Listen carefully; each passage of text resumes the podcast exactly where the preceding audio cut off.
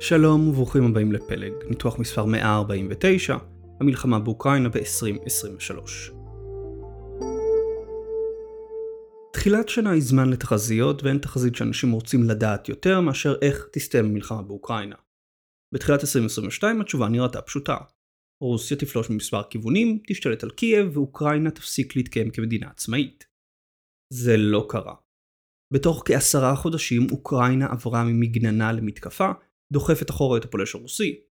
הצבא הרוסי סולק מצפון המדינה ואוקראינה החזירה לשליטתה חלק מהשטחים בדונבאס וחרסון. ההצלחה האוקראינית הייתה כה גדולה שבמערב החל להתעורר חשש שמא פוטין ישתמש בנשק גרעיני כדי לעצור את האוקראינים. לקראת סוף 2022 נראה שהמלחמה באוקראינה נכנסת לקיפאון. בריאיון ל-BBC מסוף דצמבר ראש המודיעין הצבאי של אוקראינה אמר בדיוק את זה. לשני הצדדים אין את המשאבים כרגע למתקפה חדשה ולכן הסכסוך הגיע למעין אה, קיפאון קיבוע במקום. שני הצדדים מנסים לייצב את החזית וכנראה ממתינים שמזג האוויר ישתפר. לקראת אמצע ינואר האדמה באוקראינה צפויה לקפוא מה שיאפשר לשני הצדדים לבצע תמרונים קרקעיים גדולים עד בוא האביב ועונת הבוט בתחילת מרץ. הקיפאון בחזית משפיע על השיח במערב. יש דיון ער מה צריכה להיות המטרה של המערב ואוקראינה במלחמה. האם להביס את רוסיה, או שמא לחתור להפסקת אש. תבוסה משמעותה כיבוש מחדש של כל השטחים שנלקחו מאוקראינה וחזרתה לגבולות 1991.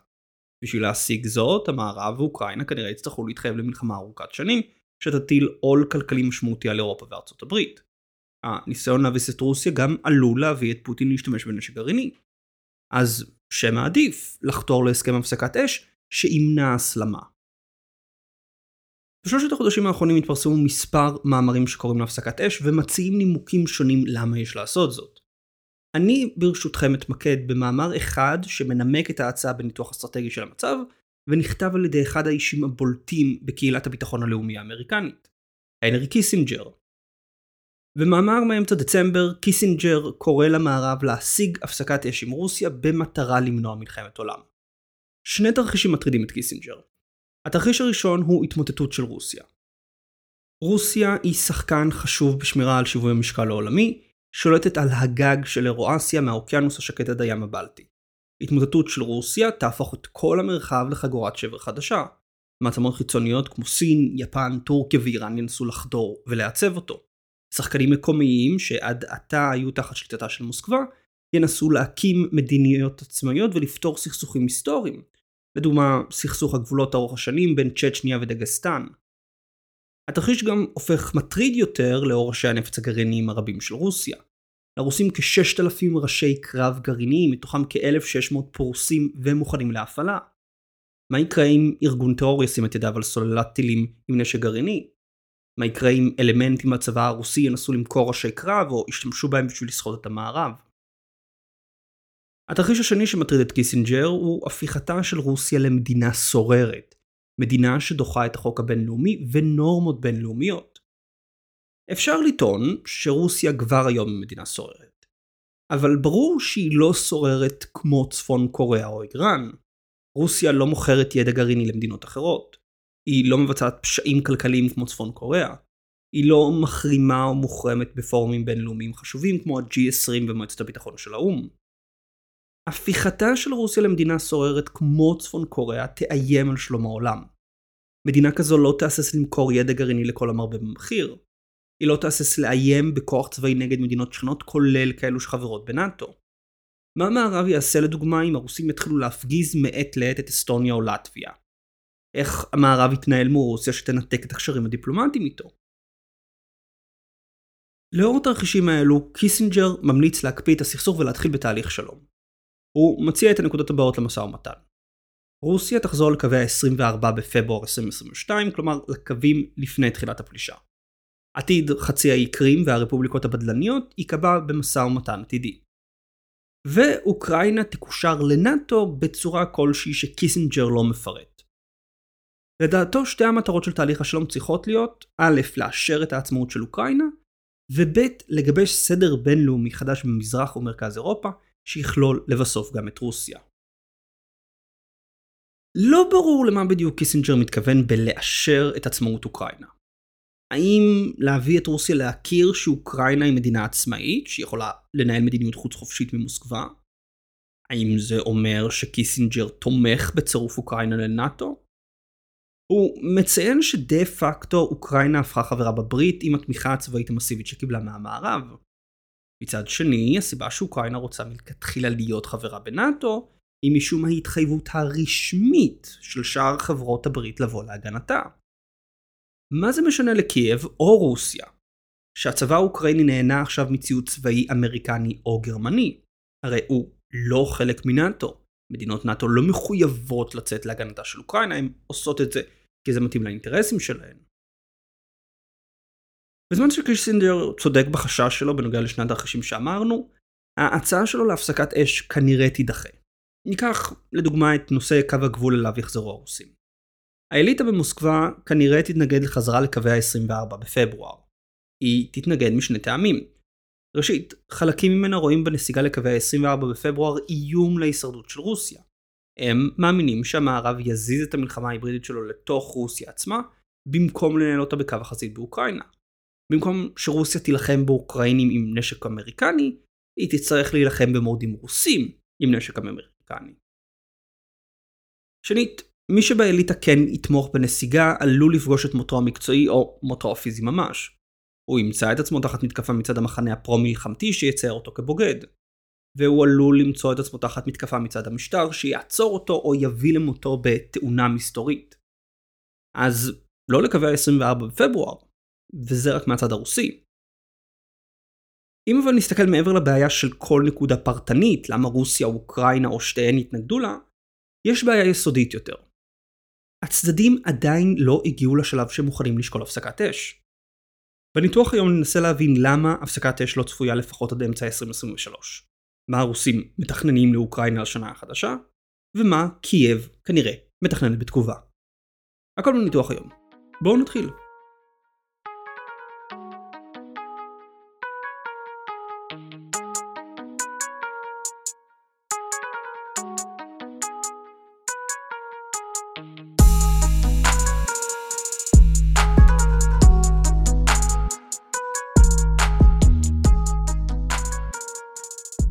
הצעת הפסקת האש של קיסינג'ר ועם הצעות דומות שהן מתעלמות משלושה דברים. מדפוס ההתנהגות של פוטין, מהאינטרסים של אוקראינה, וממה בכלל ישיג הסכם הפסקת אש. נתחיל עם פוטין. בכל צומת בסכסוך הנוכחי פוטין החליט להסלים במקום לסגת. אחרי שהפלישה לקייב נכשלה, הצבא הרוסי התמקד בדרום ומזרח המדינה. אחרי שקו החוזית הרוסי נפרץ על ידי אוקראינה, פוטין הכריז על גיוס כללי וסיפוח של השטחים שנכבשו. היום כשהאוקראינים מחזיקים את קו החזית, רוסיה מנסה להתיש את האוכלוסייה באוקראינה על ידי תקיפה של תשתיות חשמל ומים. את כל זה חזינו כבר בתחילת המלחמה על בסיס ההבחנה שפוטין לחוד בדילמת המהמר, המפסיד. בכל פעם שהוא יכול לבחור בין הסלמה ובין רגיעה, פוטין בוחר בהסלמה מתוך תקווה שזאת תביא את הניצחון המיוחל. כמו מהמר מפסיד, פוטין מקווה שהפעם יגיע הניצחון שימחק את ההפסדים הקודמים. כמו מהמר, מפסיד וממשכן את המכונית ואת הדירה ומתפלל שיצא אדום. הפסקת אש לא מעניינת את פוטין כרגע לא רק מפני שהיא מבטיחה להשאיר את ההפסדים לקחת מרוסיה את השטחים שהיא כבשה, היא גם לא מציעה שום רווח. משום כך, סביר יותר להניח שרוסיה מתכוננת למתקפה חדשה נגד אוקראינה בין ינואר למרץ. ישנם שני תרחישים אפשריים למתקפה רוסית. בתרחיש הראשון, עיקר המתקפה יהיה בצפון אוקראינה, אולי במטרה לכבוש את קייב. רוסיה תנסה לנצל את הקרקע הקפואה של ינואר-פברואר בשביל תמרון קרקעי רחב לאורך החזית, משיגה שטחים חדשים בצפון ואולי אף מגיעה לעיר הבירה. החזית החדשה תמשוך כוחות אוקראין מהמזרח, ותיתן לרוסיה בסיס ממנו תוכל בהמשך לנסות ולכבוש את עיר הבירה, ואולי אפילו לא יחלק את אוקראינה לשניים. בתרחיש השני עיקר המתקפה יהיה במזרח המדינה, כנראה בדונבאס, עם או בלי מתקפה משנית בצפון. המטרה של המתקפה בצפון תהיה למשוך חלק מהכוחות האוקראינים במזרח ולהקל על הרוסים את הלחימה. היעד בתרחיש כזה כנראה יהיה להשלים את הכיבוש של דונבאס ולהגן על הגשר היבשתי בין רוסיה וחצי האי קרים. שאלה שאין עליה כרגע מענה היא האם כוחות בלרוסים ישתתפו במתקפה הרוסית מהצפון. לכאורה האינטרס של לוקשנקו הוא לא להתערב ישירות במלחמה. הצבא שלו לא רוצה להשתתף, ולוקשנקו תלוי בכוחות הביטחון בשביל להבטיח את המשטר שלו. מרד בצבא, או אבדות רבות שהחלישו אותו, עלולים להביא לסופו של הרודן. יחד עם זאת, ישנן עדויות שרוסיה מנסה ללחוץ את לוקושנקו להצטרף למלחמה. הרוסים מעוניינים לערב את בלארוס בשביל להשתמש בכוחות הרעננים שלהם נגד אוקראינה. האם ב-2023 הם יצליחו? שאלה אחרת היא האם לאחר המתקפה הרוסית באביב, הקרמלין יסכים לשיחות הפסקת אש. לכאורה הישג טריטוריאלי משמעותי במלחמה יכול לתת לפוטין מוצא מדילמת המהמר. הישג כזה יכול להיות כיבוש כל הדונבאס ושחרורה מאוקראינה. פוטין אז יוכל להציג את השחרור כניצחון ולהסכים להפסקת אש כעת כשיש לו רווח ברור ביד. מצד שני, אין שום סיבה שדווקא הדונבאס הוא שיהיה ההישג שיביא את פוטין להפסיק להסלים. אולי להפך. הישג משמעותי יכול לעודד אותו שניצחון מוחץ במלחמה הוא בהישג יד אם רק ימשיך. הפסקת אש כאשר רק הדונבאס בידיו תשאיר את רוב אוקראינה חופשית משליטה רוסית. היא תאפשר לקייב להתחמש ולהתכונן למתקפה חדשה במזרח.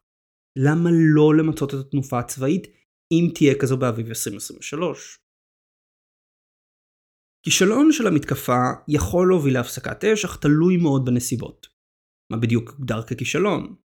חוסר הצלחה של הרוסים להשיג את קייב במתקפה בצפון לכאורה יהיה כישלון.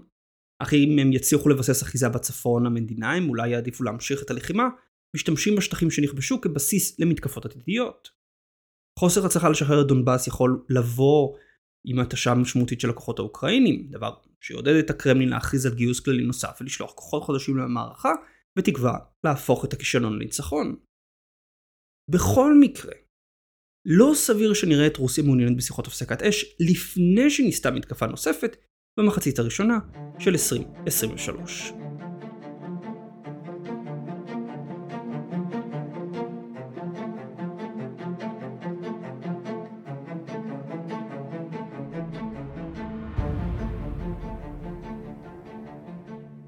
ומרוסיה לאוקראינה.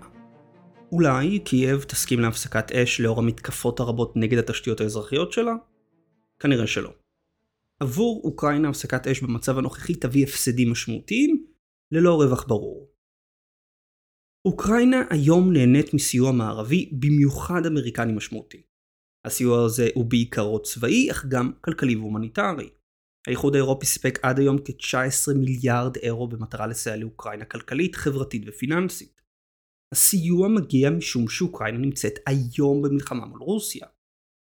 אוקראינה גם נהנית ממעמד בינלאומי, אם המלחמה נמצאת בראש סדר היום של גרמניה, צרפת וארצות הברית. לדוגמה נשיא אוקראינה זלנסקי התקבל בכבוד רב בוושינגטון DC וזכה לנאום בפני שני בתי הקונגרס, כבוד ששמור למנהיגים מעטים. לאוקראינים היום יש את האוזן של מקבלי ההחלטות המערביים, אם בצבא, אם במערך הדיפלומטי ואם בהנהגה הבכירה. הם זוכים לקשב הזה משום המלחמה שמתחוללת בשטחם. הפסקת אש תעשה שלושה דברים. במקרה האופטימי היא תחזיר את אוקראינה לקו הגבול של ה-24 בפברואר ללא שום פתרון לסוגיות החשובות לה.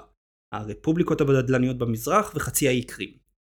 אלו שתי הסוגיות ששמרו על המתיחות בין אוקראינה ורוסיה ואלו שתי הסוגיות שלא הצליחו לפתור במשא ומתן. ההצעה של קיסינג'ר שגורל השטחים יוכרע במשא ומתן עתידי היא לא הצעה. אוקראינה ורוסיה כבר היו במשא ומתן להכריע את גורל השטחים. גורל השטחים הוא שהיה אחד הגורמים שהביאו למלחמה הנוכחית. אם לא יציעו לקייב פתרון קבוע לשטחים, היא בצדק תחשוש שהסכם הפסקת אש רק ייתן זמן לרוסיה להתכונן לסבב הלחימה הבא. שנית, הסיוע הצבאי לאוקראינה יפחת. המלחמה באוקראינה מרוקנת את מאגרי התחמושת של המערב בדיוק כשמדינות בו שוקדות על הגדלת כוחן הצבאי. הפסקת אש באוקראינה תהיה תירוץ נוח לצמצם את הסיוע ולמקד את המאמצים בבית. סיכון נוסף הוא שאם הפסקת האש יימשך לתוך 2025, ממשל אמריקני חדש עלול להחליט לצמצם את המחויבויות לאוקראינה.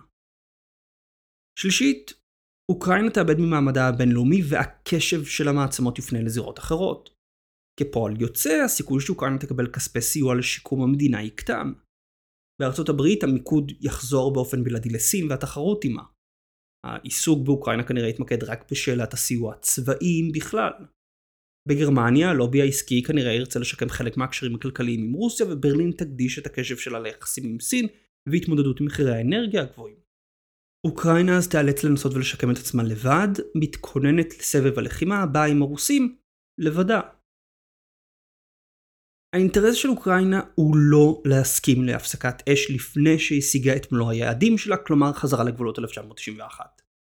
עד אז היא תרצה לשמור על מומנטום במלחמה ולדחוף עד כדי לגרור את בעלי הברית שלה במערב להמשיך את המלחמה.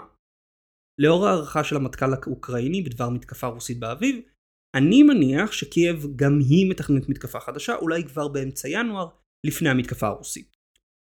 למה? במקום שהצבא האוקראיני ימתין לראות אם הרוסים באים מהצפון או לא, מתקפת חורף משלהם תכריח את הרוסים להגיב ותשבש את התוכניות שלהם. איום בניתוק חצי האי קרים מרוסיה או פריצה חדשה בדונבאס תכריח את הרוסים לשלוח כוחות ולנסות לייצב מחדש את החזית. היא גם תכריח את הצבא הרוסי לבצע התאמות מחדש לתוכניות שלו, אולי לשבש אותן לחלוטין. אם חצי האי קרים ינותק מרוסיה מוסקבה כנראה תעצור כל תוכנית נגד קייב עד שתצליח להבטיח מחדש את האספקה לכוחות שלה בחצי האי. האוקראינים יוכלו לגרור את הרוסים במערכה מחודשת בדרום, הרחק מהעורף האזרחי שלהם, והם יוכלו לשמר את המומנטום המלחמתי לתוך 2023.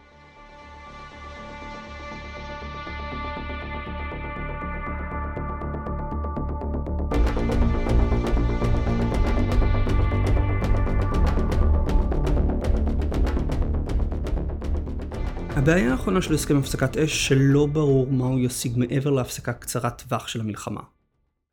רוסיה יצאה למלחמה באוקראינה מתוך שאיפה לשנות את ארכיטקטורת הביטחון באירופה.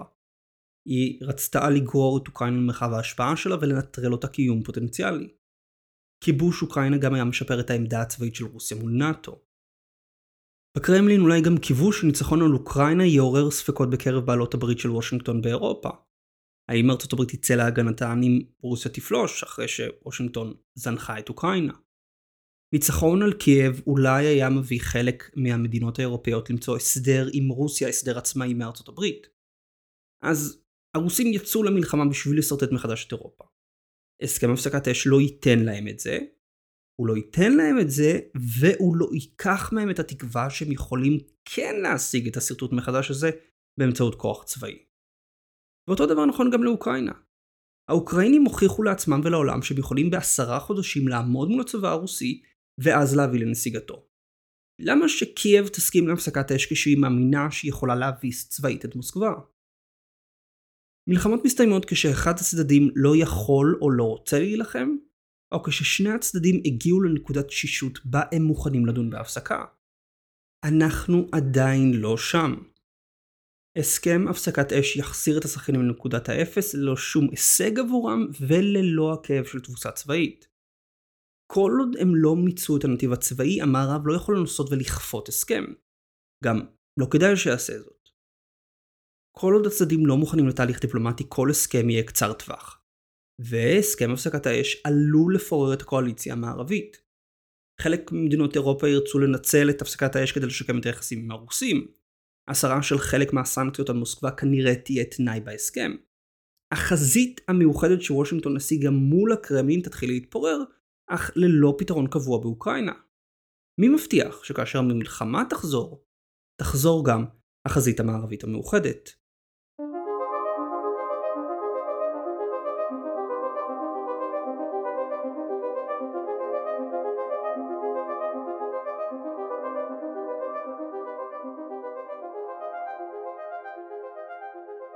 אז למה אנחנו יכולים לצפות בשנה הקרובה?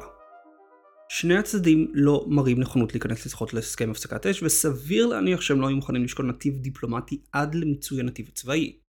בהנחה ששני הצדדים מתכננים מתקפות חדשות, סביר להניח שלא נראה הסכם הפסקת אש לפני ספטמבר-אוקטובר 2023. זאת משום ששני הצדדים ירצו לנצל את סוף החורף, האביב והקיץ במתקפות חדשות. אוקראינה קרוב לוודאי תמשיך לקבל תמיכה צבאית וכלכלית מהמערב. הדבר מבוסס על שתי הבחנות. בארצות הברית לא היה גל אדום והקונגרס החדש צפוי לתמוך בסיוע לאוקראינה. השינוי הפוליטי המשמעותי הבא צפוי לקרות רק בנובמבר 2024 מועד הבחירות לנשיאות. עד אז אוקראינה תוכל לסמוך על ממשל ביידן. אירופה ממשיכה לסבול מהנזקים הכלכליים שגורמת המלחמה, אך כל עוד ארצות הברית ממשיכה לסייע לאוקראינה, אירופה אינה יכולה לעמוד מן הצד. הדבר גם ייצור מתיחות מול וושינגטון, וגם יסכן את אירופה עצמה. הרי אם אוקראינה תובס, אירופה תמצא עצמה מול כוחות רוסים בגבול אוקראינה-פולין וגל פליטים חדש. מנקודת המבט של אסטרטגיית השקעות, כדאי לתת את הדעת לשלוש נקודות. ראשית, האם השוק מתמחר מתקפה רוסית? מתקפה רוסית באביב, שתתפס כמוצלחת בימים הראשונים, עלולה להביא לירידה במדדים בארצות הברית ואירופה. הסנטימנט בשוק הוא גם ככה שלילי עקב החשש ממיתון ב-2023. ידיעות על מתקפה רוסית חדשה רק יגבירו את הסנטימנט. שנית, סביר להניח שתהיה עלייה במחיר הגז הטבעי באירופה ב-2023. החורף כרגע הוא מתון, מה ששומר על הביקוש לגז טבעי נמוך, בזמן שהמאגרים באירופה נמצאים בתפוסה של מעל 80%. אולם, במהלך השנה הקרובה אירופה תצטרך למלא מחדש את המאגרים לחורף, ללא אספקה מרוסיה. סוכנות האנרגיה הבינלאומית מעריכה שאירופה בסיכון להיות במחסור של כ-30 מיליארד מטר מעוקב גז טבעי בקיץ 2023. עלייה במחיר הגז הטבעי וחזרה של הלחימה באינטנסיביות גבוהה באוקראינה כנראה ישפיעו לרעה על המדדים האירופאיים. שלישית, אם המלחמה באוקראינה תהיה מלחמה ארוכת שנים, וזו בהחלט אפשרות, היא מביאה הזדמנויות חדשות ליצרני תחמושת ואמצעי לחימה. מדיווחים לאורך השנה עולה שכיום התעשייה הביטחונית האמריקנית לא ערוכה לייצור המוני של נשק. הסיוע לאוקראינה דלדל את מאגרי הנשק של צבא ארצות הברית.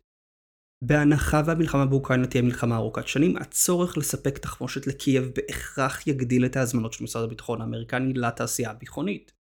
נוסיף לזה את הביקוש הגדל מצד מדינות אירופה לאמצעי לחימה אמריקנים לדוגמה ה-F-35, וסביר להניח שחברות הביטחון האמריקניות צפויות להמשיך ולראות גידול בהכנסות בשנים הקרובות.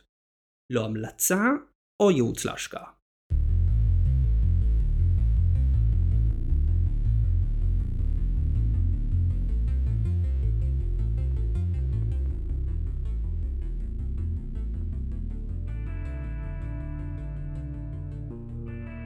שנת 2023 תהיה צומת חשוב במלחמה באוקראינה. אנחנו קרוב לוודאי נראה מבצעי התקפה חדשים של רוסיה ואוקראינה, כל אחת מנסה להגדיל את ההישגים שלה.